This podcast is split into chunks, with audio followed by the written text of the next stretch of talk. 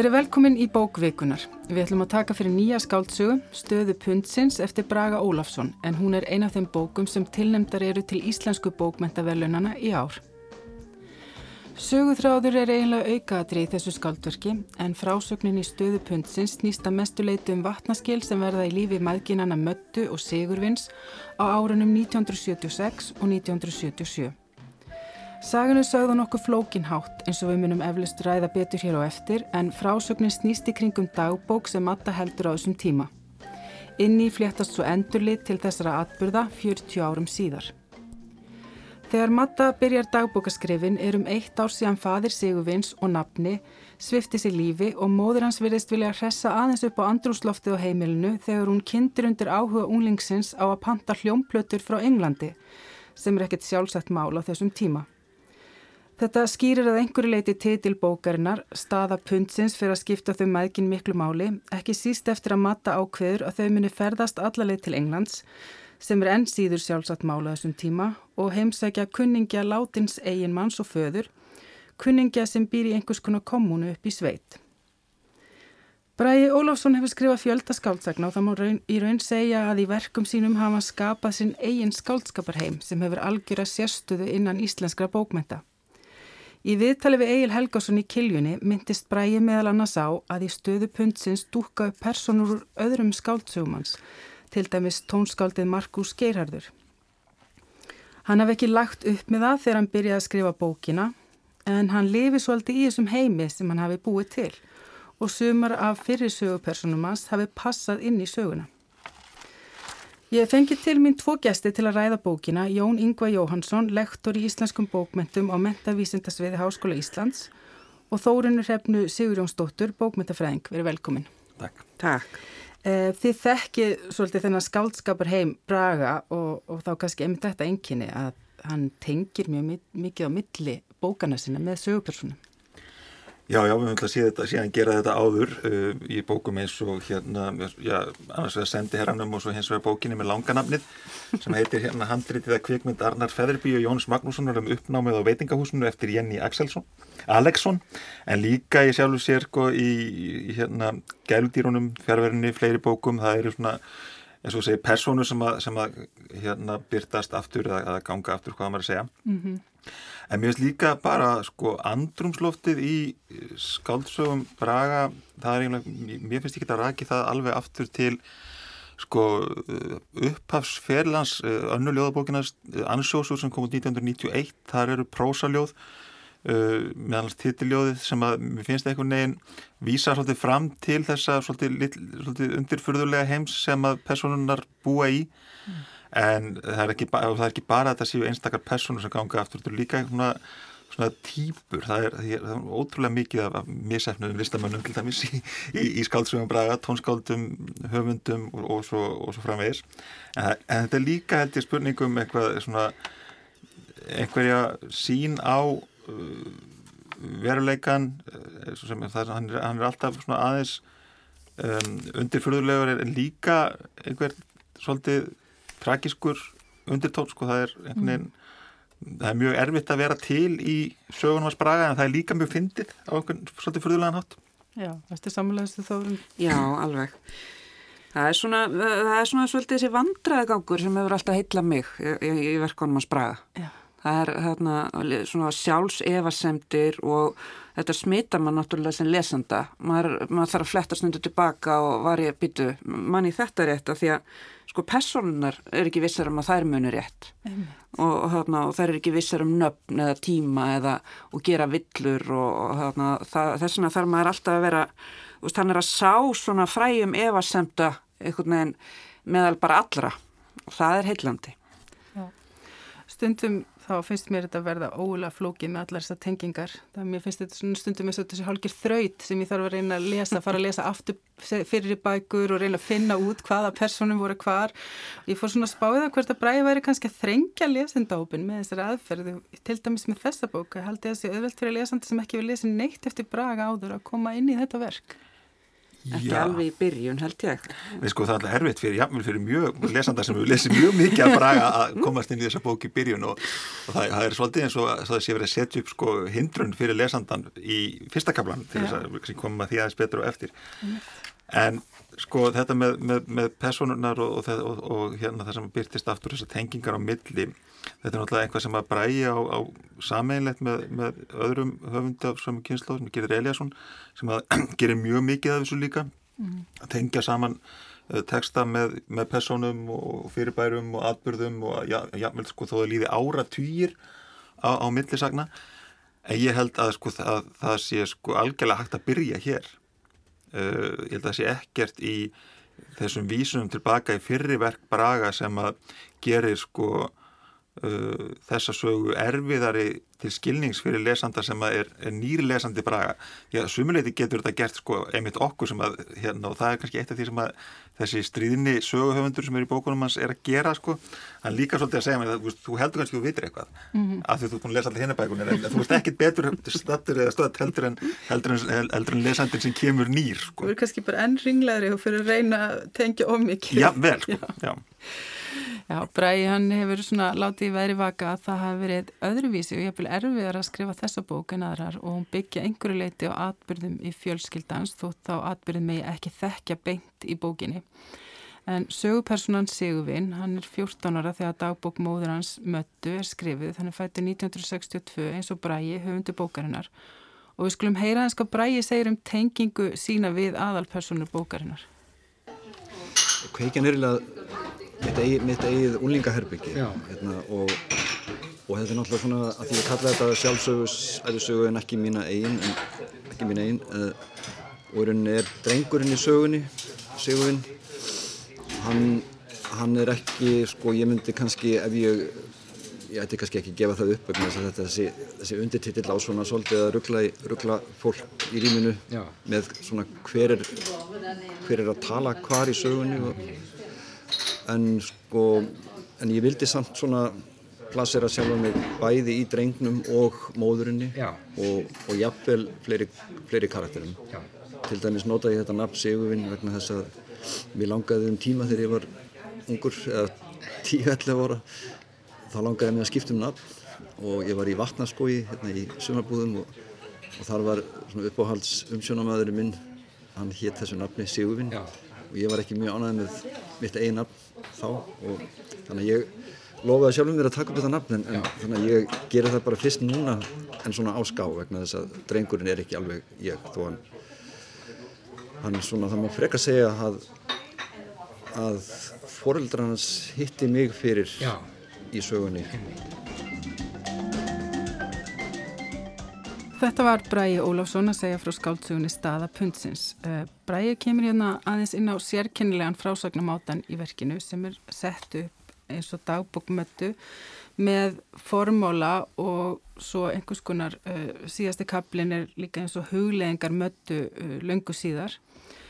Sögumæðurinn hann byrja strax á fyrstu blaðsíðu að flækja málinn og ég ætla að lesa eins upp úr fyrstu línunum kaplin, fyrsti kaplin hann heitir Hann innan gæsalappa. Í tvöða þrjú ár, hugsanlega lengur, jáfnvel mun lengur, kannski frá þeim eftirminnilega degi fyrir 40 árum þegar hann egnaðist plötuna í svartkvita umslæginu og kom með hana heim og sett hann á fónin og síðan nálin á plötuna, hefur það vafist fyrir honum hvernig eigi að segja þessa sögu, hvernig eigi að hefja hana og hver eigi raun að teljast ábyrgur fyrir henni. Hann veit hvernig hún endar þótt sumir muni neyta að kalla það endi og einmitt vegna þess að hann veit hver endirinn er ætlar hann að varpa ábyrðinni yfir á aðra. Á þessum nótum heldur þetta áfram um þennan hann sem síðan hverfur af vettvangi nokkrum blaðsíum síðar og skilur eftir sig þá tilfinningu að honum hafi verið hleyft framfyrir í þeim eina tilgangi að árétta undirtitil bókarinnar. Sjálfur er hann engin sögumæður, ekki þeirri merkingu að geta sagt þannig frá hlutum að þeir verði eitthvað annað en bara hlutir. Í mesta lægi að hann ráði við að koma saman eins og einum formóla. Það er þó ekki víst að þessi aðfara orð hans muni flokkast sem formóli því ætlunin er áður en hann flýr af hólmi að koma hér að einni hlýðarsögu, farið svo að ekki verði minnst á hann af öðrum, sögu sem óhættir að segja rými frekar vel við niðurlægið. En um leiðum veldur þessu fyrir sér dettur honum í hug að gæsalappirnar utanum hliðasöguna séu óþarfar og það veri næra að splæsa þeim á formálan. Formálinn yrði þar með hliðarsaga. Já, þetta eru upphafslínurnar í stöðupundsins sem ber þennan undirtitil sjálfsæfisaga en ekki mín eigin. Hjá mér eru Þórun Hrefna Sigurðansdóttir og Jón Ingu Jóhansson. Hvað segir þið um þessa flækjurvarandi frásagnaröttina? Mér finnst þetta að vera fyrir ekki að höfna. Já, þarna, mér finnst þetta að vera að að þetta sem bræði sér í viðtalinu á, á, viðtalsbútnum áðan finnst mér svolítið sniðut af því að ég held nefnilega að sko, þetta sé bók sem fjallar svona öðrum þræðum sko, vandan við það að skrifa og, og minnst þetta, þetta upphafur íma alveg við það að þarna, hann byrja strax að velta fyrir sér sko vandamálun í kringum mm. Og, þarna, og við að muna. Þetta eru óbúslega mikla skriftar og, og sko og minnispælingar. Er mani þetta rétt? Er þetta örglega svona? Mm -hmm. nú er örglega skálda, er hún alltaf að segja. Mm -hmm. mér finnst þetta upphaf ég, ég lagðist ekki að sko hugsa hver er, hver nákvæmlega tala. Og hver er þarna innan gæsaleppa hver er, þú veist, heldur fannst mér þetta að vera svo mikið sko, hann er að leggja sér svolítið á borðið sem höfund, finnst mér að, mm. hvað þetta er í rauninni flókið og ætla að koma á óvart og ætla að skrifa alltaf eitthvað sem fólk nennir að pæli í mm.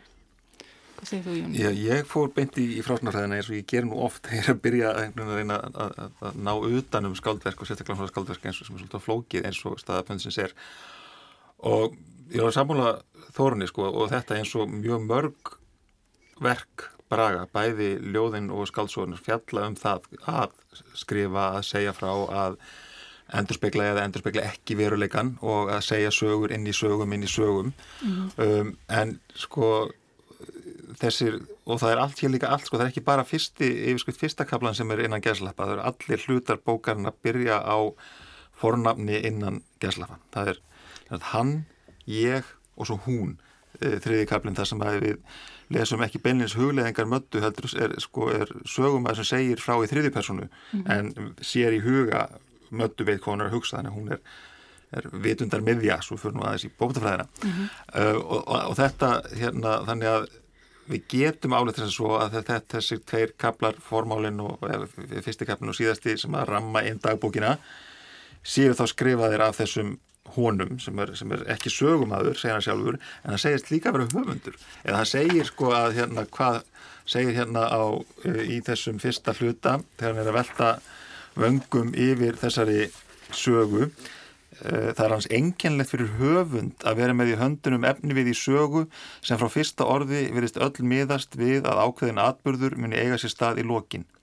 En þegar aðanum kemur er síður en svo ljóst hvort hann gerist í raun og veru.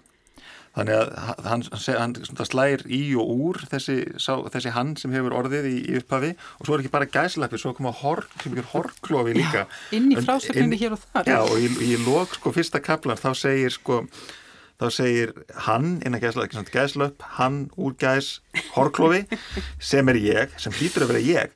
Það er þess vegna sem hann er hafður innan gæslappa, horklofi lokast þá er alltaf komin ykkur ég sem að hérna, við gætum álegt að væri það söguhöfundur eða sögumadurinn sem að stýrir öllu, öllu heila hérna klappinur um, og svo eru svona ykkur í, í lokin sko þegar að hérna matta er þau eru fann að sjá inn í huga hennar utanfrá í, í þriði personu að þá kemur í ljós að lítið drengur sem er jafnaldri sigurvins upp á dag sem er svolítið skemmtilegt í ljósi þess að ég var að segja á þann Já og þá getum við að við tengja við aðra höfundar sko, þetta, þetta ártal 1962 er að verða mjög merkingaþrungið í íslenskum bókmentum sko, eftir Codex Sjóns 1962 sem að fjallar þar sem það ára er algjört líkil ár það er það hérna líka, all, allavega.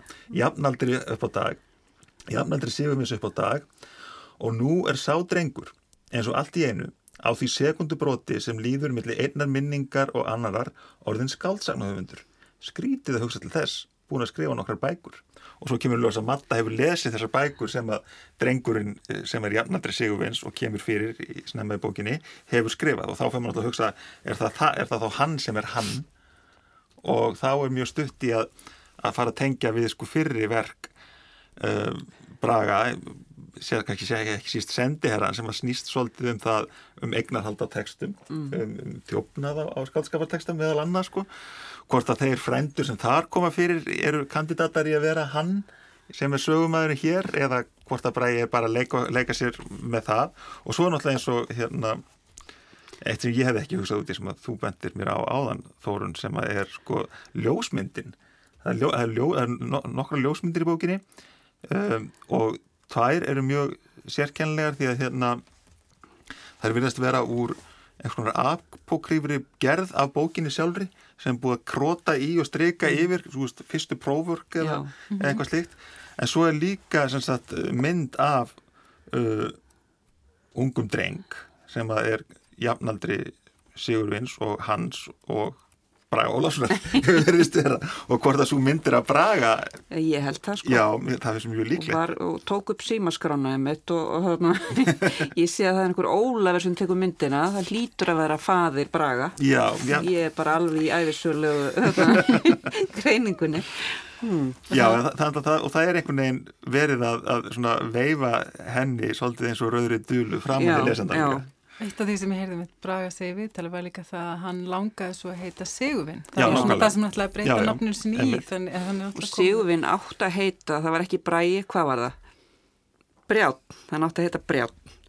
Þannig að þessi, þessi nafnapælingar eru og ég nefnir Bræi, Sigurvinn, Sigurvinn, Brjátt þetta, þetta er voru gaman. Það er verið að, að spila með mann alveg fram og tilbaka. Já, svo heitir hann ekki bara Sigurvinn heldur sko Sigurvinn, Sigurvinn són Já, já og það er Sigurvinn, já, svo er eldri og yngri og, og hérna, já. Og það er náttúrulega líka hún, uh, sest, uh, kemur fram í dagbókinu möttu og það er svona fólk er að rugglast á þeim jafnvel og eftir að hann er látin sig um eldri þá er verið að spyrja hana yngri eða eldri og þannig að hérna, það er svona heldur áfram. En, en eins og myndist á þórun þá spila líka inn í þetta einmitt svo mikið meðvitund um að, að minnið okkar það fer sínar eigin leiðir. Og Já. Matta segir til dæmis um dagbókina sem hún ákveður bara allt í hann að halda. Ætti ekki tilgangurinn með svona bók eins og ég hef fyrir fram að mig að vera sá að velja inn í hana þær hugsanir sem maður vill varðveita og um leið að losa sig við hinnar en kannski líka sá að reyna að gera upp við sig hverjar þeir hafa möguleika og þróast áfram og hverjar séu þegar leitar til lykta. Mér fannst líka mjög áhugavert þegar Bræði sagði viðtali eitthvað á það leið að það veri svo gott þegar skáldsæða leti ekki tíð þær upplýsingar sem skipta mestu máli. Mm. Þannig að þarna er svona verið að, einmitt þetta með hvað skrifar niður og hvað skrifar ekki niður og hvað mannstu og hvað mannstu ekki og af hverju. Þannig að þetta er, þetta er stórt þema í bókinu líka. Já, mér finnst þetta mjög hillandi að Sko þetta er svona eins og sko með minnið uh, að því að við erum kannski eftir að tala um betra eftir með, sko, plöt, með tónlistin og plötu umslögin mm. að mann svona sko það er verið, þú veist, mér finnst þetta að vera eiginlega bara að saga um minnið, þú veist að mann svona einmitt mann man lykt stundum og mann man getur líst plötu umslægi á þess að muna kannski títilinn og það er kannski þetta þegar uh, fyrir einmitt hann er að tala um unglingsár já. og það er þetta með að fara inn í unglingaherbyggin sem segir þá heyrur að fara eftir í tónlistina. Og einmitt það er náttúrulega eitt af því sem kemur minnin á staða svo mikið er tónlist. Það er svona stemnings sko, einhvers dag talar um svona þarna lítrakók eftir glerflöskunni stóru. Risakók. Já, það er alveg bara svona þarna, það er síslanstutum um mann svona, þetta er svona svo mikið lýsing á þessum tíðaranda. Já. þó að við séum svona kannski aðeins ég fætt 71 Einmitt, við erum kannski öll aðeins of ung til að muna eftir í rauninni akkurat þessari tónlist, akkurat þessum árum. Já En, en mjög nálægt í samt. Já. já, já, og auðvitað bara þetta með, sko, með nýja tónlist á, sko, sem að fæst ekki nema á, á plötum og í plötubúðum mm. og hérna, e, þú veist, ég átti, sko, hérna, svona, einhvers konar eldri sískinni á tífambili þannig að það hlutað þessum, þessari tónlist geti tengt við gegnum það og svo átti mm. maður um vini sem að voru svona einhverju nördar og gerði þetta að hérna kaupa meldi meikar og, og hérna panta plötur á utan og hérna voru búin að heyra hluti sem engin annar hafi hérna, það sá hérna hluti af, af úlingsára stemmingunni finnst mér, ég tengi alveg við hana mm -hmm. en svo er þetta svolítið merkilegt að við, við sjáum þetta úlingaherbergi sko frá sjónar, og þannig þessi úlingsár alltaf frá sjónarhorni móðurinnar Já. og það er líka svolítið, svolítið skemmtileg sko hvernig um, í raun og veru uh, úlingsár og þessi tónlistar áhugi Sigurvins verður til þess að á einhvern skrítin hátt sko ala möttu upp upp og nýtt eða að frelsa yfir hluta frelsun hennar uh, felst í því að ganga inn í hans unglingsár þegar það er vinkonunar er að stelast í græjur sko, mamman er að stelast í græjur stráksin meðan að hérna sko, henn hefbundna frásögn af unglingsárunum er einmitt unglingurinn að stelast í það sem að foreldran rega en hérna snýst, snúast hlutverkinn svo að þið sérkjænlega við. Já, þeir er einmitt líka að ná sko tengslum að því að þeir sem er unlinga þeir sjá oft mjög, mjög oft lokaðar dyr. Hann er inn í sín unlingaherbergi en, en þetta er svona hennar leið til að gæjast inn í hans veröld og skapa tengsl. Ég fannst þetta einmitt mjög skemmtilega svona, hvað sé, sannfærandi lýsing eiginlega á unglingi. Að sjá að maður sér hann alltaf svo sigurinn svolítið utanfrá. Já. og það er einhvern veginn svo líklegt að því hann er svolítið lokarinn í herbergi og hann er með, eða úti með vinu sínum. Og við helst ekki að mamman sé að vita of mikið um það. Sérstaklega kemur að stelpu með öðru þannig að hann, Já, hann er náttúrulega alltaf að reyna að íta henni frá þannig að hún veit svona, hún fær svona inn, insýn í svona smá hvað er að gerast og það virkar, finnst mér mjög samfærandi Já Já, já, endan það kemur á daginn að, hérna, að Sigurvin hefur sínar ástöðu fyrir því að, að leina móðu eins og sem, sem að hann gerir og, og sem að hérna já, já. gerist þegar hún sér ekki til. Eins og kannski flestir unglingar. Eins og flestir unglingar, já, já, algjörlega. En uh, já, það sem ég sæði svona í upphafi og, og slóði fram að sögutrárum væri til vill auka aðrið þessari bók, ég veit ekki hvort þér alveg sammál því, en, en það sem heitlaði mig mest allavega var svona eiginlega matta sjálf og persónu sköpunin í bókinni. Mér fannst hún bara mjög vel hefnu söguhetja þó hún tali einhverstur um það held ég að það orð sé svolítið kjánalegt. Um, eða einhver talar um það allavega. Og það var eitthvað við hennar sögumarsreit sem ég fannst uh, svona náði svolítið til mér, mér fór að þykja svolítið væntu um möttu, hvernig upplifði þið hana sem personu? Sko, hún er hún er auðvitað mjög samfærandi þessi dagbókaskrifinnar eru það. Og, og líka eh, kannski vegna þess að, að það er ímislegt sem við vitum ekki um hana.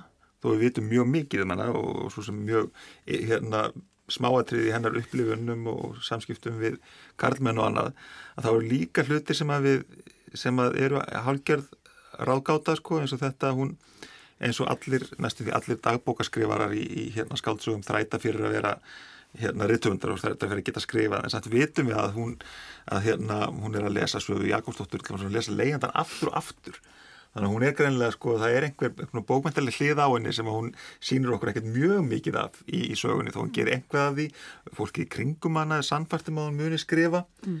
uh, þó að komu ekki í ljós að hún gerir það í, hérna, ekki eins og í endurlitinu síðast. Þannig að hún, það, er, það er líka það að, að hérna, þú veist, jámvel þeir sem skrifa dagbók segja hann ekkert frá öllu og það er eitt af því sem gerir hann svolítið, svolítið samfærandi. Og svo finnst mér líka, finnst svolítið hérna, sko hann til sagt að hún er aðarpersonan og hún er það sem að maður tengir mest við. En mér finnst líka svolítið flott í sögunni hvernig eru búinar til þessar aukapersonur sko í, sem við fáum bara í gegnum hennar augu. Bæðan það Sigurvin sem að sko Sigurvin segir eiginlega ekki neitt í þessari bók. Hann, hann segir varðla orð sko nema og þá held ég bara yfirleitt alltaf í óbeinni ræðu sko og svo er það hins vegar hérna móði sko, mm. vinnur Sigurvins eldri heitins sem verður líka svolítið forvinnilega og skemmtilega persóna, hann er hins vegar ekki trættur við að tala. Nei og hún, hún svona kannski pínu írunisk þegar hún tala svona um það hvernig hann hafi gaman af að viðra skoðinni sínar mm. og svona. Já, Já mér finnst þetta sko, þetta er náttúrulega svona í meðsverði dagbók, hún er, þetta er svona sjálfskoðun og einmitt eh, Jóningu nefnir eh, sko hún kannast ekki vera rittöfundur og allt það og, og segir jáfnvel hérna þarf maður að kallast rittöfundur til að láta sér dett í huga að setja blað eitthvað svona sjálfslýsingu? Og, og þarna spyr hvort að speilin er að duga öllum sem að sko ekki eru rittöfundar en auðvitað er hún sko hún svona er að kallast á við svöfu einmitt. Og svafa náttúrulega þekkt fyrir að gefa konum rött í, í, í sínu sögum. Mm. Þannig að, að það, það er alveg borlegjandi og einmitt mjög heillandi hvern hún, hvern hún svona teiknar upp bæði sig og aðra. Já. og eldri verður náttúrulega, hún er svona hálfpartin að skrifa endurskapa hann, finnst mér, í, í þessari bók. Og við tölum kannski um þá eftir. Já, já, þetta er, sko, maður fyrir að hugsa bara núna, þetta, þetta er náttúrulega eiginlega svona einhver þroskasaga hjá henni. Já. hún náttúrulega missir mannins í þarna árið setna og við getum kannski bara að tala um hanna en það er Sigurvin eldri hann er náttúrulega látin samt fyrirferða mikill í frásögninni og hann var greinilega ekki svona alveg hérna, besti eigimaðurinn hann var, það var framhjáhald greinilega og mikið fyllir í og svona almennt vesin á honum.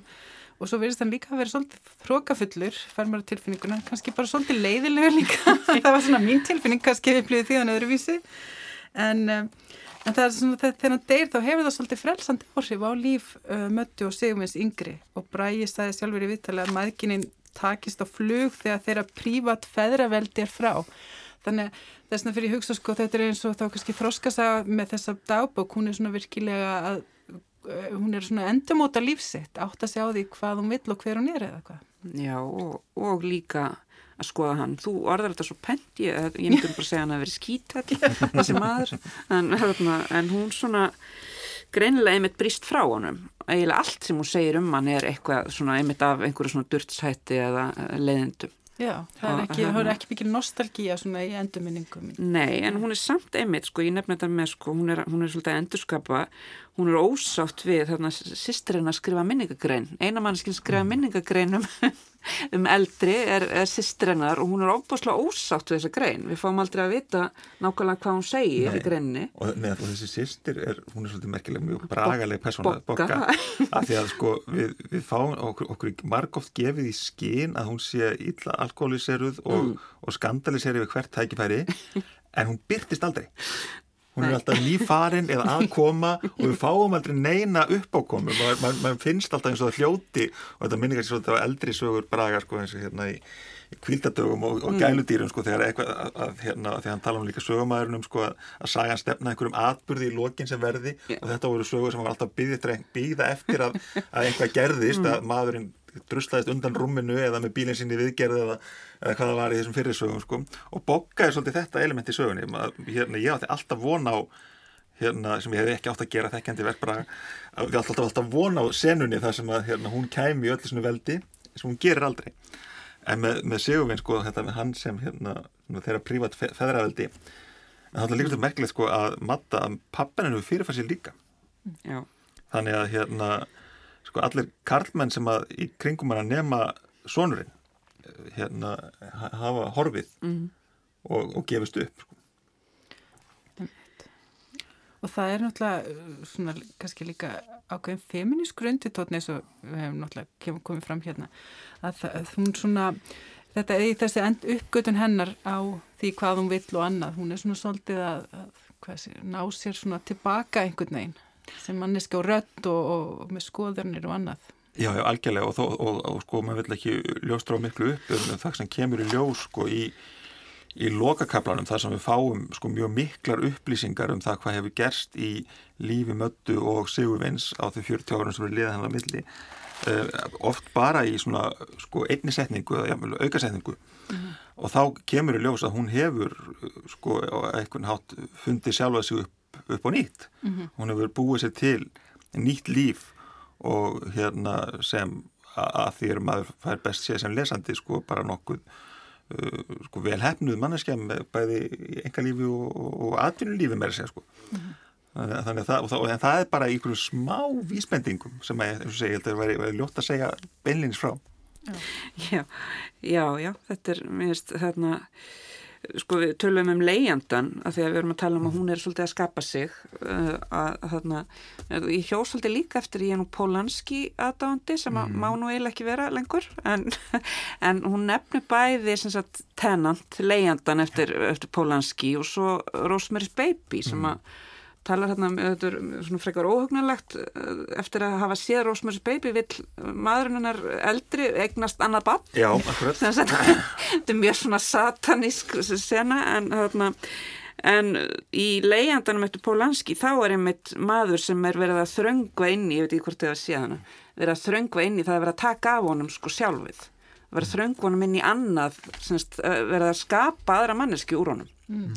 og mjög óhugnalegt en hérna, ég man ekki, fór hún svo á tennant eða þau bara sko, hún, hún nefnir hann, jú fóruðu ekki á hana í, í London sko og, og það stundum eins og hérna, eins og leiðandin eftir svöfu og einmitt leiðandi Polanski sé að renna svolítið saman svona, hérna sko. Ég held að það snúist um svona eitthvað svona identitets sko vanda eða, eða sköpun í, í, í þeim skilningi. Já, og að í lók leiðanda svöfu sko þá vaksa þér saman eiginmaðurinn og gesturinn. Já, já. Þannig það, það er að það má alveg sjá tengsl þar á millið með pólanskimyndarinnar og, og leiðanda sérst í svöfu sko.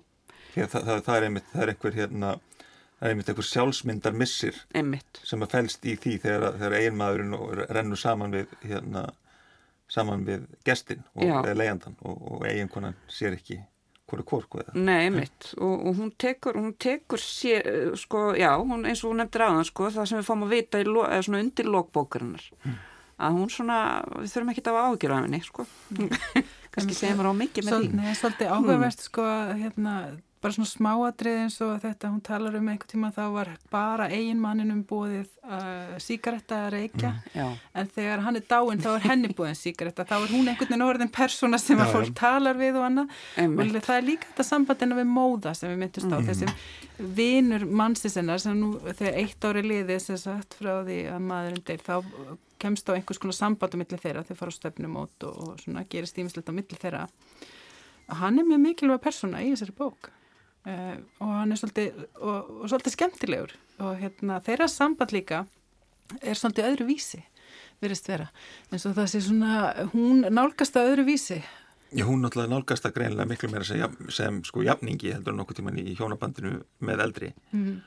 og hérna já, já, og, og, og virðist líka sko vera hún, hún binst honum ekkert. Það sé líka svolítið atrið mm.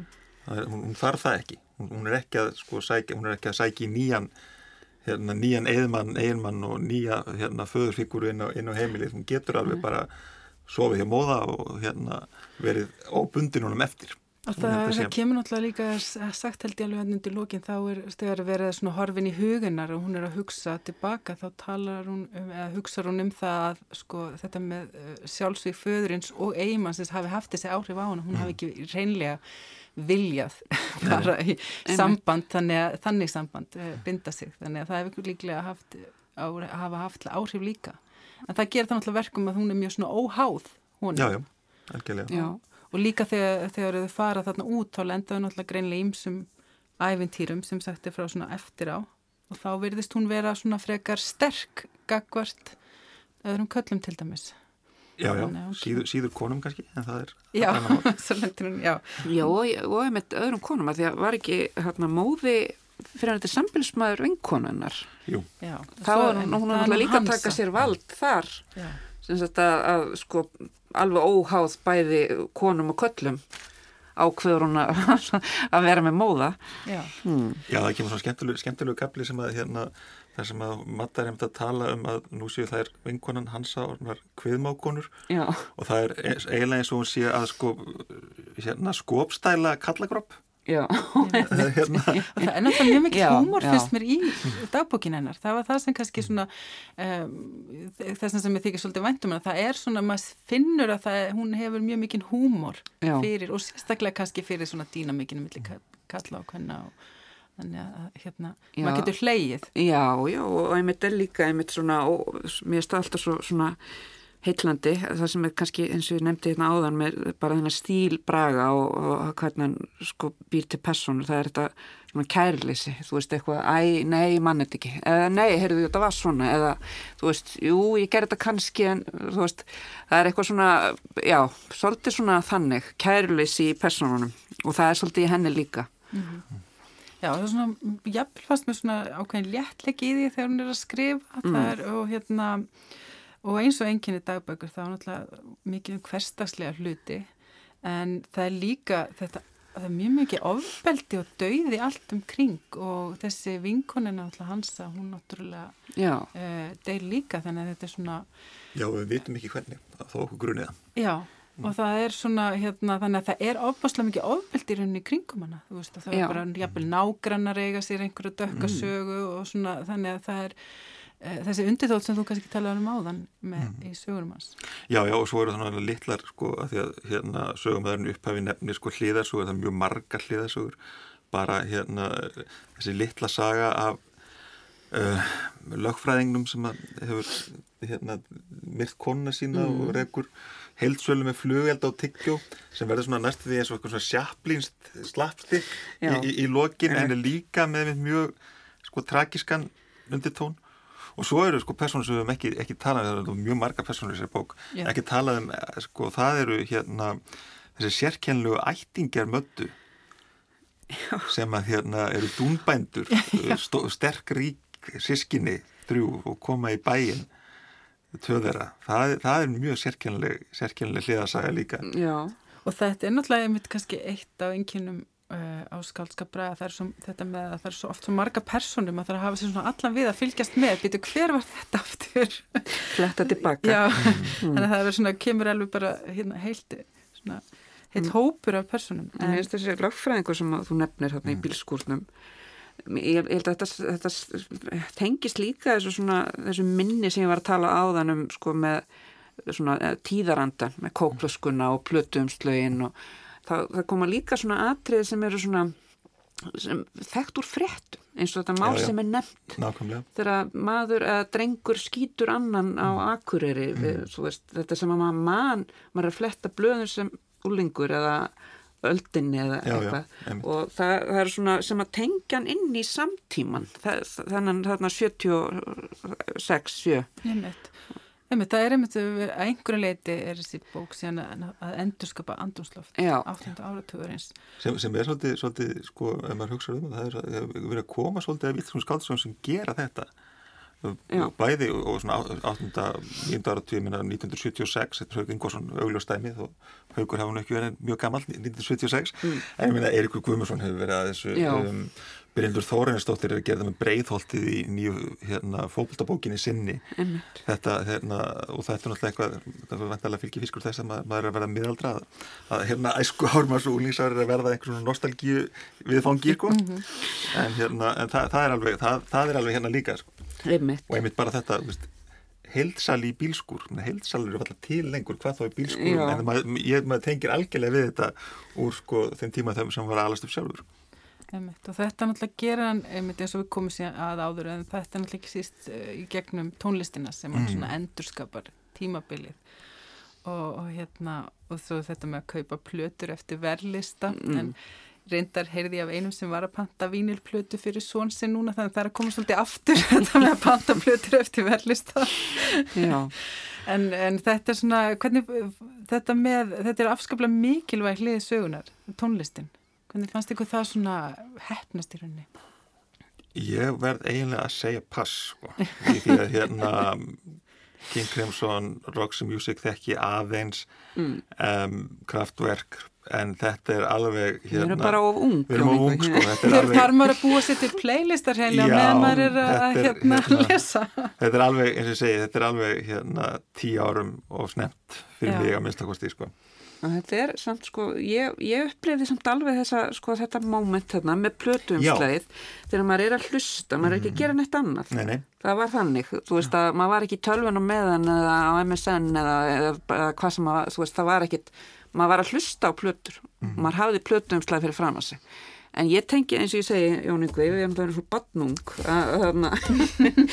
ég tengi ekki við þessar sveitir svona persi eða þannig. Það er freka stemmingin er að sita við græðina sína Algjörlega. Já og þetta líka sko sem að Sigurvinn sko að hann er að hlusta á tónlist sem að sko hann notar til þess að skilgreina sko sjálfsmynd sína sem ólíka marg, sjálfsmynd margra annara í kringum hann allavega ólinga að, og þetta er náttúrulega eitthvað sem var kannski auðveldar að gera þegar það var ekki allur heimurinn var ekki, var ekki sko innan hérna einan seilingar á Spotify að mm. geta einmitt sko þekkt einhverja tónlist sem engin annar þekkti eins og hann, hann gerir og, og annað sem hann gerir hann líka sko hann fer í sko kvikmyndaklúpin hann er svona, hann er að, að velja sér einhverja sjálfsmynd sko listaspýrunar þess sem fylgist með.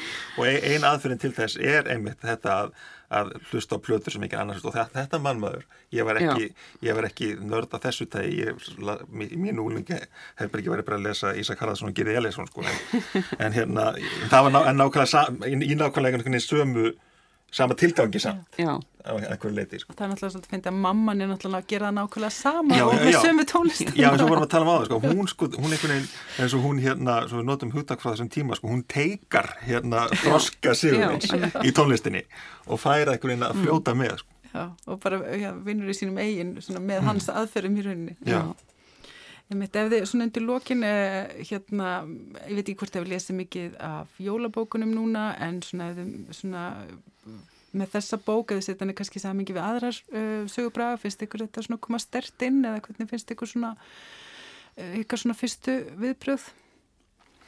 Sko, mér fannst eftir hérna, eftir fyrstu hindrun sem að reynist vera mjög mikilvægt. Þegar maður komst í gegnum fyrsta kaplan og áttaði sig einhvern veginn, það tók mér svona tíma einhvern veginn að staðsitja mig bara sem lesanda í sögunni. Mm -hmm.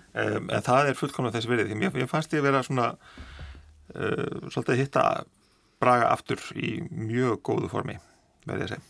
Þetta er sammála? Já, ég er mitt alveg með hérna, þetta fyrst, fyrst var ég alveg oh, allar þessar gæsalappir og aukasugur, útúdúrar og hortklófar og, og þarna. En svo var þetta svo raugmaður áfram sko, þetta, þetta er þrælskemtileg bók. Já, kannski þegar Matta fikk orðið í dagbókinni svolítið, það hérna, fór maður á stað. Já, Já uh, þar með líkur þessum þætti um bókvikunar sem var staða pundsins eftir Braga Ólafsson Þórun Hrefna Sigurjónsdóttir og Jón Yngvi Jóhansson kæra þakki fyrir að koma Þeim hlustendum sem ekki hafa fengið nóg að heyra bendi ég á að nálgast má viðtöl og annað tengt bókvikunar á heimasíðu þáttarins rú.is skástrygg bókvikunar. Verið sæl.